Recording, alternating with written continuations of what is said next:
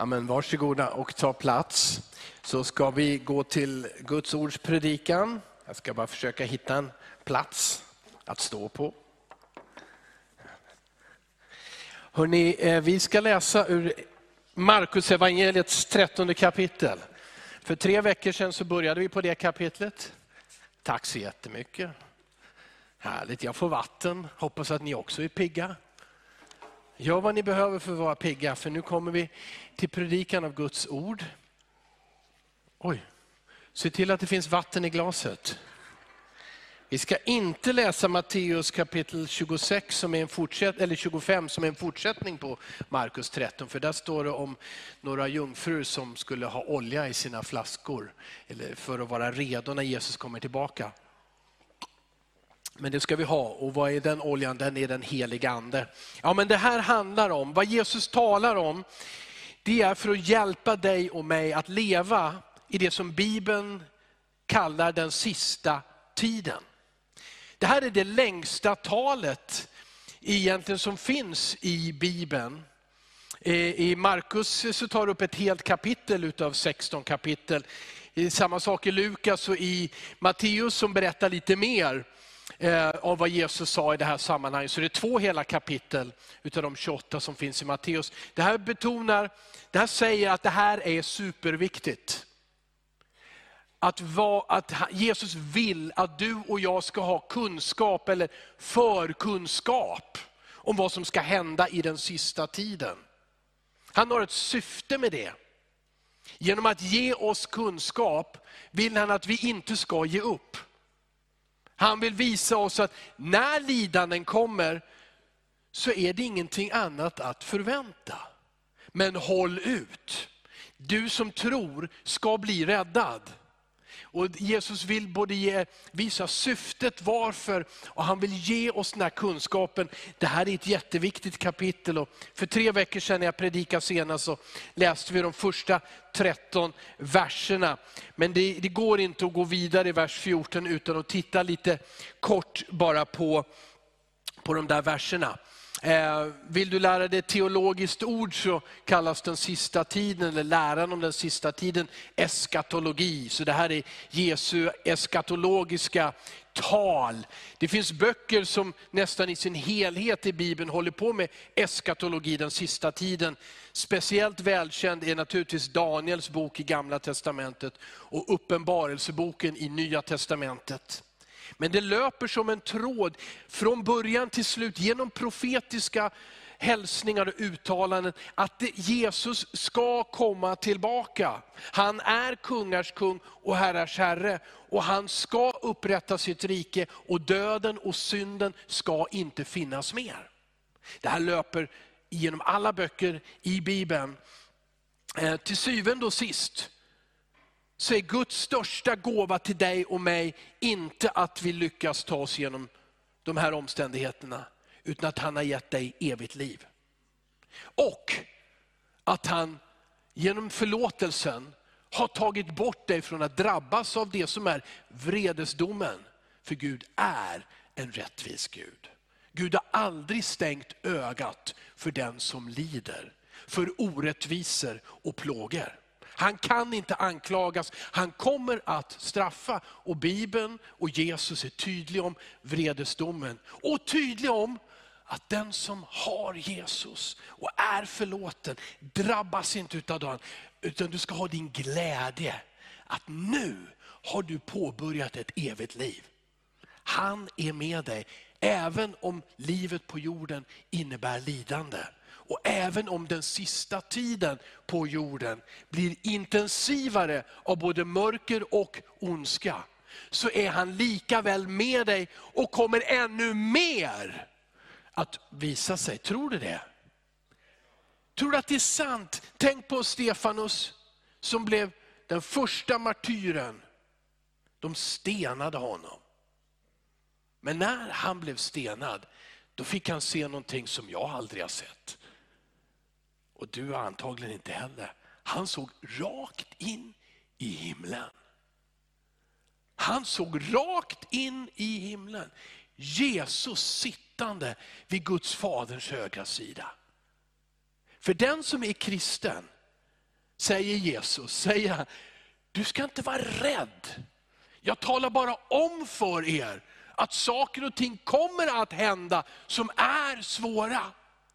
Men jag har lovat att vara med er. Och jag tror att när lidandet är större, så blir också i bibliskt språkbruk härligheten större. När utmaningen växer, mer kraft han beter, sjunger vi ibland i en äldre sång. Det är så. När det är tuffare på jobbet, när det är tuffare i familjen, när det är mörkare i världen, så vill han desto mer visa dig, han är med dig, han älskar dig. Håll ut! Han bär dig igenom. Det här talet som Jesus håller, det föranleds med att de lämnar Jerusalem. Det är onsdag, i, onsdag kväll antagligen, när de lämnar templet menar jag. Sista gången Jesus har varit i templet, eller kommer att vara i templet. För bara ett och ett halvt dygn senare så korsfästs han och dör. Det är ett långt tal, det handlar om den sista tiden och det sista han hinner meddela sina lärjungar. De har läm lämnat tempelplatsen och, och lärjungarna var än en gång imponerade av denna magnifika byggnad som verkligen tillhörde ett av underverken i den antika världen. Herodes tempel. Fullt av marmor och guld och imponerande. Och de imponerade Jesus säger, här ska inte sten lämnas på sten, allt ska rivas ner. Och lärjungarna frågar, när ska det här ske? Och vad är tecknet på din återkomst? Och vad är tecknet på den yttersta tiden? De blir nyfikna, de blir chockade. Vem blir inte chockad? Vi har sett än en gång det som vi såg i Syrien för några år sedan, och delvis fortfarande pågår. Det ser vi nu i Ukraina. Byggnader som imponerar oss. Människor som har samlats i frihet. Det är ödeläggelse. Ingen av oss här hade för fem veckor sedan sagt, det ska bombas, bombas, bombas över Ukraina. Hade någon sagt det så hade vi hållit den personen för en väldigt pessimist. Alldeles för mörk beskrivning av det som ska komma. Och här ser lärjungarna en fantastisk byggnad och Jesus säger, det ska inte lämnas sten på sten. Du och jag, och framförallt ni som har varit i Jerusalem, vet att det är sant. Det går inte ens riktigt att säkert fastställa var stod templet. Det finns enorma stenblock där. Och vi vet att templet var, tempelplatsen finns ju i princip kvar. Men själva templet, man ödelade och Jesus sa, det här ska ske. Men lärjungarna i deras fråga, och det blir ännu tydligare i Matteus evangeliet än i Markus, är, de förstår att de frågar inte bara om när ska templet brytas ner, utan när ska du komma tillbaka? För de kopplar det på en gång. Det har väl att göra med det Jesus. Och när kommer den yttersta tiden och hur vet vi om det? De är nyfikna och Jesus sätter sig, de går genom den där Kidrondalen upp på den höjd som kallas Olivberget. De blickar mot templet och Jerusalem, solnedgång på detta, denna gyllene byggnad. Och Jesus ger detta tal i Markus kapitel 13.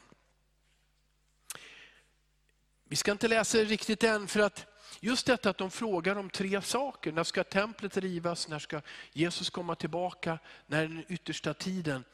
Det är så typiskt denna uppdelning av tre. För du har i gamla testamentet många, många profetior. Och det är en profet som får ett budskap berättade för folket. Och ofta så är deras uppfyllelse, kommer just i tre faser. Ofta så är det någonting som var i den profetens situation och samtid som han tilltalar orättvisa, eh, omoral, eh, ointresse av Gud och talar till det och vilka konsekvenser det får för Israel. Men sen så pekar det fram på Jesu tillkommelse, hans födsel, hans, hans liv, hans död på korset, hans uppståndelse. Finns profeterat i gamla testamentet. Men det känns ofta som en dag, en händelse, men sen så ser vi att det finns ofta en tredjedel skild åt i tid, som uppfylls i den sista tiden. Och det är faktiskt så att av de ungefär 300 profetier, förutsägelser som finns i gamla testamentet om den kommande Messias, Guds räddare, så uppfyllde Jesus ungefär bara, ett, bara 100 när han var här första gången. Och 200 av dessa profetior väntar på sin uppfyllelse. Och Det här ger oss mod som troende, för om de där 100 första stämde, så precis när du läser evangeliets berättelse om vad Jesus gjorde och sa och vad som skedde med honom. När det uppfylldes så förstår vi också den integritet och kredibilitet, eller vad jag ska leda efter för ord nu då, trovärdighet som profetierna om Jesu återkomst har. Om den yttersta tiden och vad Gud vill göra. Men vem hade trott att det skulle ta 2000 år? Och Jesus har inte kommit tillbaka än. Jag tror inte att en enda av lärjungarna trodde en sekund på att det skulle ta så lång tid. Men det här är, ofta så ser en profetia ut som Herrens dag, det är ett vanligt uttryck i Herrens dag kommer, det är en dag, där händer väl alltihopa, oj vad mycket som ska hända. Ja, men sen så när man ser hur Gud arbetar och uppfyller det här så finns det tidsrum som för oss är omöjliga att bedöma. Och Jesus eh, vi, säger också åt oss, Bibeln säger åt oss, vi ska inte försöka bestämma vilken dag Jesus kommer tillbaka. Men vi ska inte vara förvirrade heller, utan vi ska läsa tecknen. Se tiden, se händelsen och vara beredda. Och det här är, det här är ju utifrån det som jag sa förra gången, den första delen av, av Jesu tal eller bara säga det för att lägga en, en grund för det som, som vidare är. Då är det första, det första och det sista Jesus säger i det här talet i Markus. Det första han säger det är så här, se till att ingen bedrar er. Den säger han tre gånger i texten, eh, var på er vakt. Och så avslutas talet med att håll er vakna. Lev vaket, var andligt vakna, se tiden. Se vad Gud gör. Se till att ingen bedrar er. Det här, vad Jesus säger är att det här är uppenbart. Människor vill, ni, ni kommer att möta bedragare. Det är ett faktum. Var medvetna om det. Ett tal där Jesus säger det här om och om igen, måste väl få oss att förstå, ja det finns sammanhang och människor och filosofier och religioner. Men det Jesus varnar för det är att de kommer att kalla sig för Messias. om de använder uttrycket eller uppträder som det. Så det betyder att det är inte liksom någon uppenbar religion som är något helt annat, utan det är det som ser ut som sann kristen tro, men som ändå inte är det. Och Jesus betonar, var på er vakt, se till att ingen bedrar er. Var medveten. Den här, det handlar om en medvetenhet helt enkelt. Om att ondska och lögn kan visa sig i alla sammanhang. Oj, måste vi vara rädda då? Det är det andra som Jesus betonar, vi ska inte det. Han säger så tydligt, bli inte förskräckta, säger han i vers 7. Och så säger han, sånt måste komma. Ja, det är livet. Det kommer svårigheter, utmaningar, en del som vill ljuga och lura och bedra. Det måste komma, det hör till livet på den här jorden. Men det är ju det, den typen av liv som ska ta slut. Det kan bara förlora, lögn kan bara förlora. Ett liv utan Gud kan bara förlora. Ondska kan bara förlora. Det här kan du säga till potentater, världsledare och våldsmän. Lögn vinner inte. Krig vinner inte. Ondska vinner inte. Jesus har besegrat synden på korset och han kommer tillbaka. Men var medvetna att det här hör till det paket som vi har just nu. Var inte rädda. Jesus säger i vers 11, bekymra er inte ens i förväg för vad ni ska säga, när de drar er inför rätta och utmanar er. För då ska den heliga ande tala igenom er, lägga orden på er mun. Om du tänker på lärjungarna, apostlagärningarna, allt det här fick de uppleva. De blev dragna inför synagoger och domstolar. Paulus blev dragna inför härskare och kungar och till slut kejsaren över Rom. Och man sa till dem, förneka din tro, prata inte om Jesus. De blev förbjudna att använda det namnet. Men de fortsatte. Det finns inte ett tecken på att någon av männen och kvinnorna blev rädda av detta tal om att vi lever i en ond tid och det kan också bli värre. Utan de utmanade sig själva. Jag följer Jesus för han är med mig. Jag ska vara med i det som han gör i det här uppdraget. Jesus talar om stridslarm, rykten om krig, jordbävningar, falska messiasgestalter som måste komma. Men säger också då så tydligt att detta är ännu inte slutet. Ja, så är det. Krig och jordbävningar, pest och pandemier i olika former har alltid funnits och hör som sagt till en del av verkligheten. Men sen säger han också i vers 8, detta är början till födslovåndorna och gör jämförelse med födsloverkar när en kvinna väntar ett barn. Och fram till förlossningen så blir smärtorna större och kommer tätare för att barnet ska födas. I det här fallet, Jesus ska komma tillbaka. Ondskan ska besegras totalt. Men det är som födslovåndor. Det ser ut att bli värre tills själva förlossningen kommer. Personligen, och det här är personligen, så anser jag att klimatkriser, pandemier, kärnvapen, missiler, global övervakning av jordens invånare, extrem individualisering, moralisk upplösning och centralisering av politisk makt är tydliga tecken på de födslovåndor som sker i den här tiden. Och min slutsats är, kan bara vara en annan, Jesus kommer snart. Eh, för 2000 år sedan sa han till lärjungarna, håll er vakna. Och du har inte hittat en anledning än att somna in som kristen nu heller. Håll dig vaken, för Jesus kommer snart. Vi, pekar jag på mig själv, är uppväxta i, i något som är ett halvt paradis på jorden. Sverige på 70-talet 80-talet, rikedom, trygghet, frihet att sjunga sånger i kyrkan och berätta om Jesus på torgen.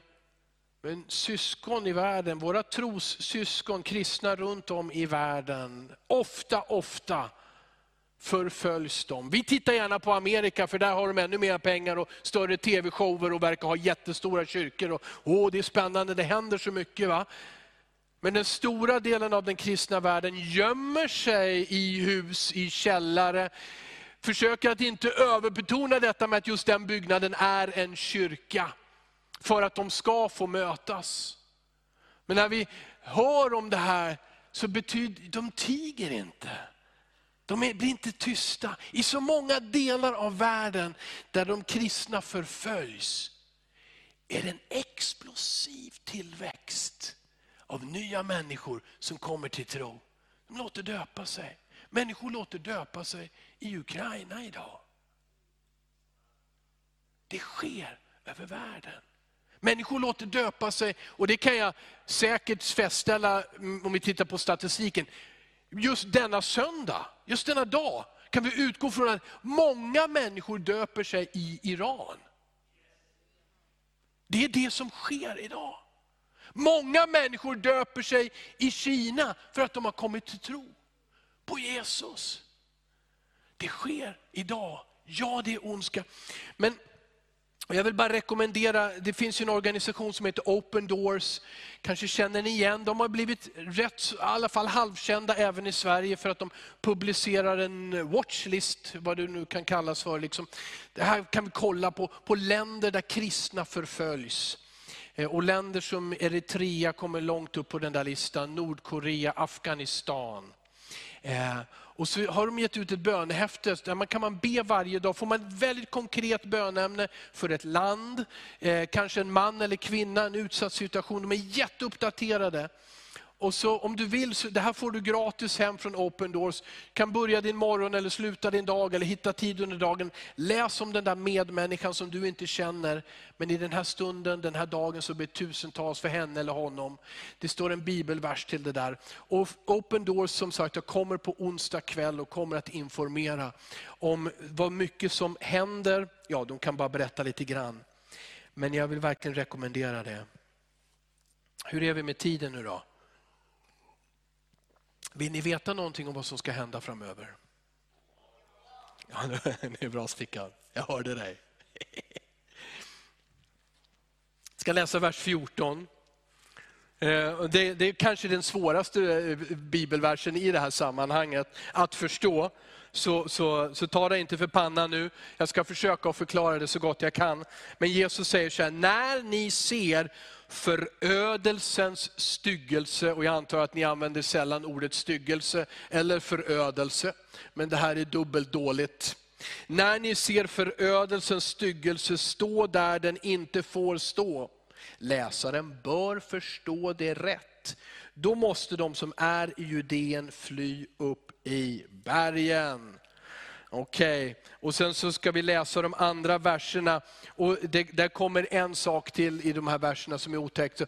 För den här första versen, den handlar om en person som Bibeln kallar för Antikrist som ska träda fram i den sista tiden. Och lite längre ner så kommer vi läsa också om den stora nöden, den som traditionellt i svenskan kallas för vedermödan en sista tid av, av ett stort lidande och en extrem manifestation av ondska. Naja, vers 14, var det här mysko nu då? Förödelsens stygge som ska stå någonstans, vad var det där nu då? Jo men eh, om man läser i, i Matteus evangeliet så ger Matteus, citerar ju också Jesus ger oss lite mer. Kanske inte hjälper men ni får lite hänvisningar. När ni ser förödelsens stygge, styggelse, som profeten Daniel talar om. Stå på helig plats.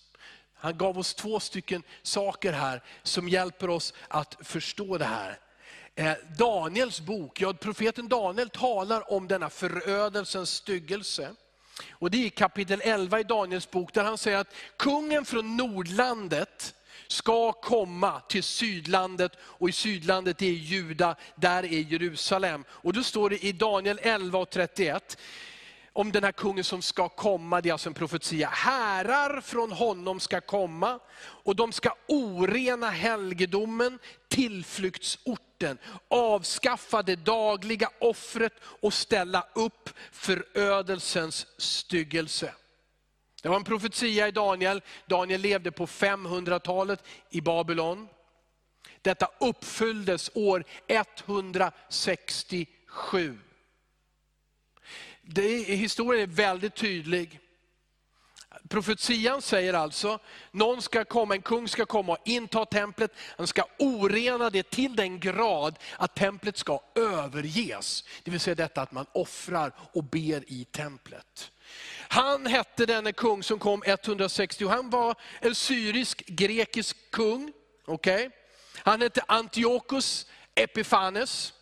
Han intog Jerusalem. I templet reste han upp ett altare till guden Zeus. Och så slaktade han en gris i templet. För judar total ohelighet orenhet, skymf. Ofattbart överhuvudtaget att Gud kan tillåta en sån sak. Det här ledde ju sen till judarnas uppror, det som beskrivs i Makabeböckerna, i de apokryfiska böckerna. Hur de då kastade ut eh, Antiochos och allihopa. Men här hände någonting, en deluppfyllelse som hjälper oss att förstå, vad är det här denna förödelsens styggelse. Och var ska den stå? Jo, det handlar alltså om Guds tempel. Där ska ondskan manifesteras, skymfa Gud, skymfa de som tror på ett sånt sätt att det blir en uppgivenhet över, överhuvudtaget kring eh, framtida tillbedjan. Antikrist, Bibeln talar om antikrist. Namnet är inte så ofta, men i, i Johannes 1, 2, 28, första Johannes 2, 18, förlåt, första Johannes, så stå, skriver Johannes så här, kära barn, den sista tiden är här. Och liksom ni har hört att antikrist ska komma, så har redan nu många antikrister trätt fram. Av det förstår vi att den sista tiden är här. Och antikrister, det är alltså falska messiasgestalter, falska profeter, människor som klär sig, vill ge sken av att ha uppenbarelse från Gud, men leder oss fel. Den här antikrist som ska komma kommer alltså på något sätt att sätta sig i Guds tempel och säga att han är Gud. Om det här är ett fysiskt, judiskt tempel i Jerusalem kan jag inte säga. Det, det finns inget tempel nu. Det får vi se om det byggs upp. Eller om det här handlar om den nytestamentliga bilden av församlingen. För den kallas ju för Guds tempel. Och att det finns en ledare som på något sätt kan förfara och bedra den kristna kyrkan så till den grad att det är antikrist som träder fram där.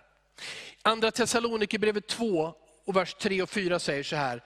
Låt ingen bedra er på något sätt. Först måste avfallet komma och laglöshetens människa träda fram. Det är Paulus benämning på antikrist, laglöshetens människa. Fördärvets son, motståndaren som förhäver sig över allt som kallas Gud eller heligt, så att han sätter sig i Guds tempel och säger sig vara Gud. Någonting av detta, en deluppfyllelse skedde år 70 efter Kristus. Den romerska tionde legionen kom till Jerusalem, belägrade staden, förstörde templet totalt till oigenkännlighet. Hädade och skändade det som var heligt. Så småningom, för judarna fortsatte att göra rebellion och så vidare mot den här ockupationsmakten. Så från jag tror ett, år 135 efter Kristus så blev det förbjudet för en jude att bo eller befinna sig i Jerusalem. En del uppfyllelse, men som sagt, en del av uppfyllelsen siktar fortfarande framåt. Talar om för oss att Jesus ska komma tillbaka. Nu ska vi rätt så fort gå igenom de övriga verserna som jag ville läsa fram till 23. Eh, då står det, den som är på taket ska inte komma ner och gå in för att hämta något från sitt hus när det här sker. Och den som är ute på åkern ska inte vända tillbaka för att hämta sin mantel. Jag kan bara tänka mig med de kryssningsrobotar och missiler och flygplan som kommer genom, som flyger mot ett land, mot en byggnad. Det finns inte ens en tanke på, tänk inte ens tanken att du ska gå och hämta någonting ur det där huset. Vi kanske blir förvånade att flyktingar kommer, lämnar Ukraina utan saker. Utan kläder, inga extra kläder, inga hygienartiklar, ingenting. Ja, men med den här typen av krig som förs idag, tänker du en andra tanke? Ska jag kanske hämta, ska jag lämna det där, fixa det först? Så innebär det döden. Jesus säger, den tid kommer, då har ni inte tid för det. Glöm bilen eller bilarna hur fina de än är. Strunta i huset. Rädda dig, säger han. Det här gjorde många kristna då, år 70. De flydde jag ska, jag ska ta, det kommer med nästa vers. Det kommer med nästa vers. Eh, eller en vers till. Ve de som väntar barn eller ammar i de dagarna. Så det är, ve betyder stackars de som väntar barn och ammar i de dagarna. Be att det inte händer på vintern, säger Jesus. Det här tycker jag är viktigt. Förstår Han säger det.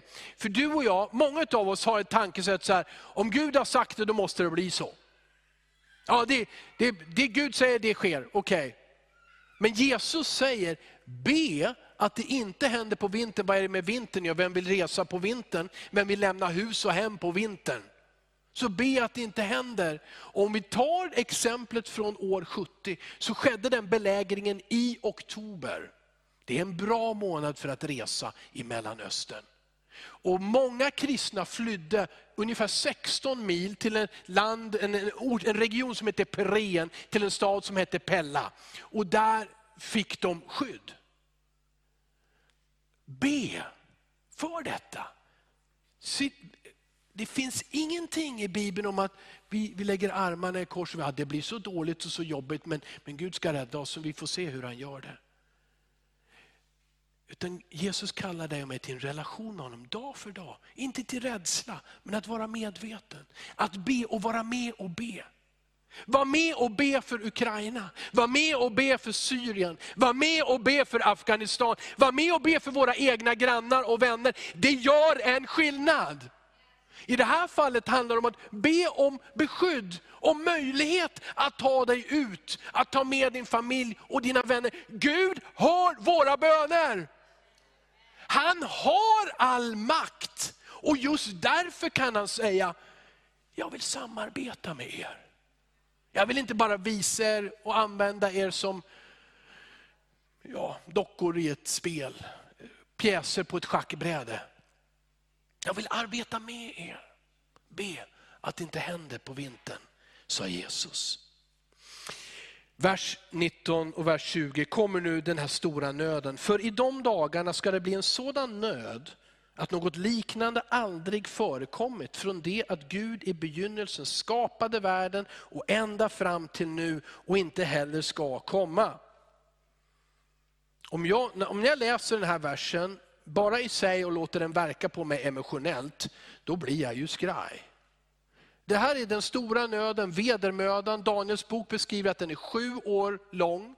Och det är det allra sista som sker innan Jesus kommer på skyarna och visar sig för hela världen. Som en blixt går från öster till väster. Ska alla se att Jesus kommer tillbaka. Men innan det så kommer vedermödan, den stora nöden. Men då står det i vers 20, om Herren inte hade förkortat den tiden skulle ingen människa bli frälst. Men för de utvalda skull har han förkortat den tiden. Gud är sån. När det ser ut att vara som värst i våra liv, och nu går vi tillbaka till en enkel situation. När det ser ut som om konflikten på arbetet är som värst. När äktenskapet inte kan funka. När du inte har pengar utan bara skulder. Det står, om Gud inte hade förkortat den tiden skulle ingen bli frälst. Men Bibeln säger så tydligt, Gud kommer aldrig för sent. Även om det brister till höger och vänster runt om dig. Han kommer aldrig för sent. Han håller vad han lovar. Det här är Guds natur, det här är Guds löfte, det här är vad han säger om den här tiden. Han griper in. För vilka skull? För de utvalda skull. Vem är utvald? Jo, det är de som tillhör Herren. Amen. Säkert har du hört, om du har gått i en pingkyrka länge, att det finns ett uppryckande av alla troende. När kommer detta uppryckande att ske? Inte idag. Och jag tänker inte heller ta itu med det idag. Det här blir en annan gång. Hur kan jag vara så säker på att det inte är idag? Ja, nu kan jag inte, jag eller du, vara övermodig på något sätt och säga, jag vet vilken dag Jesus kommer tillbaka och jag vet att det inte är idag.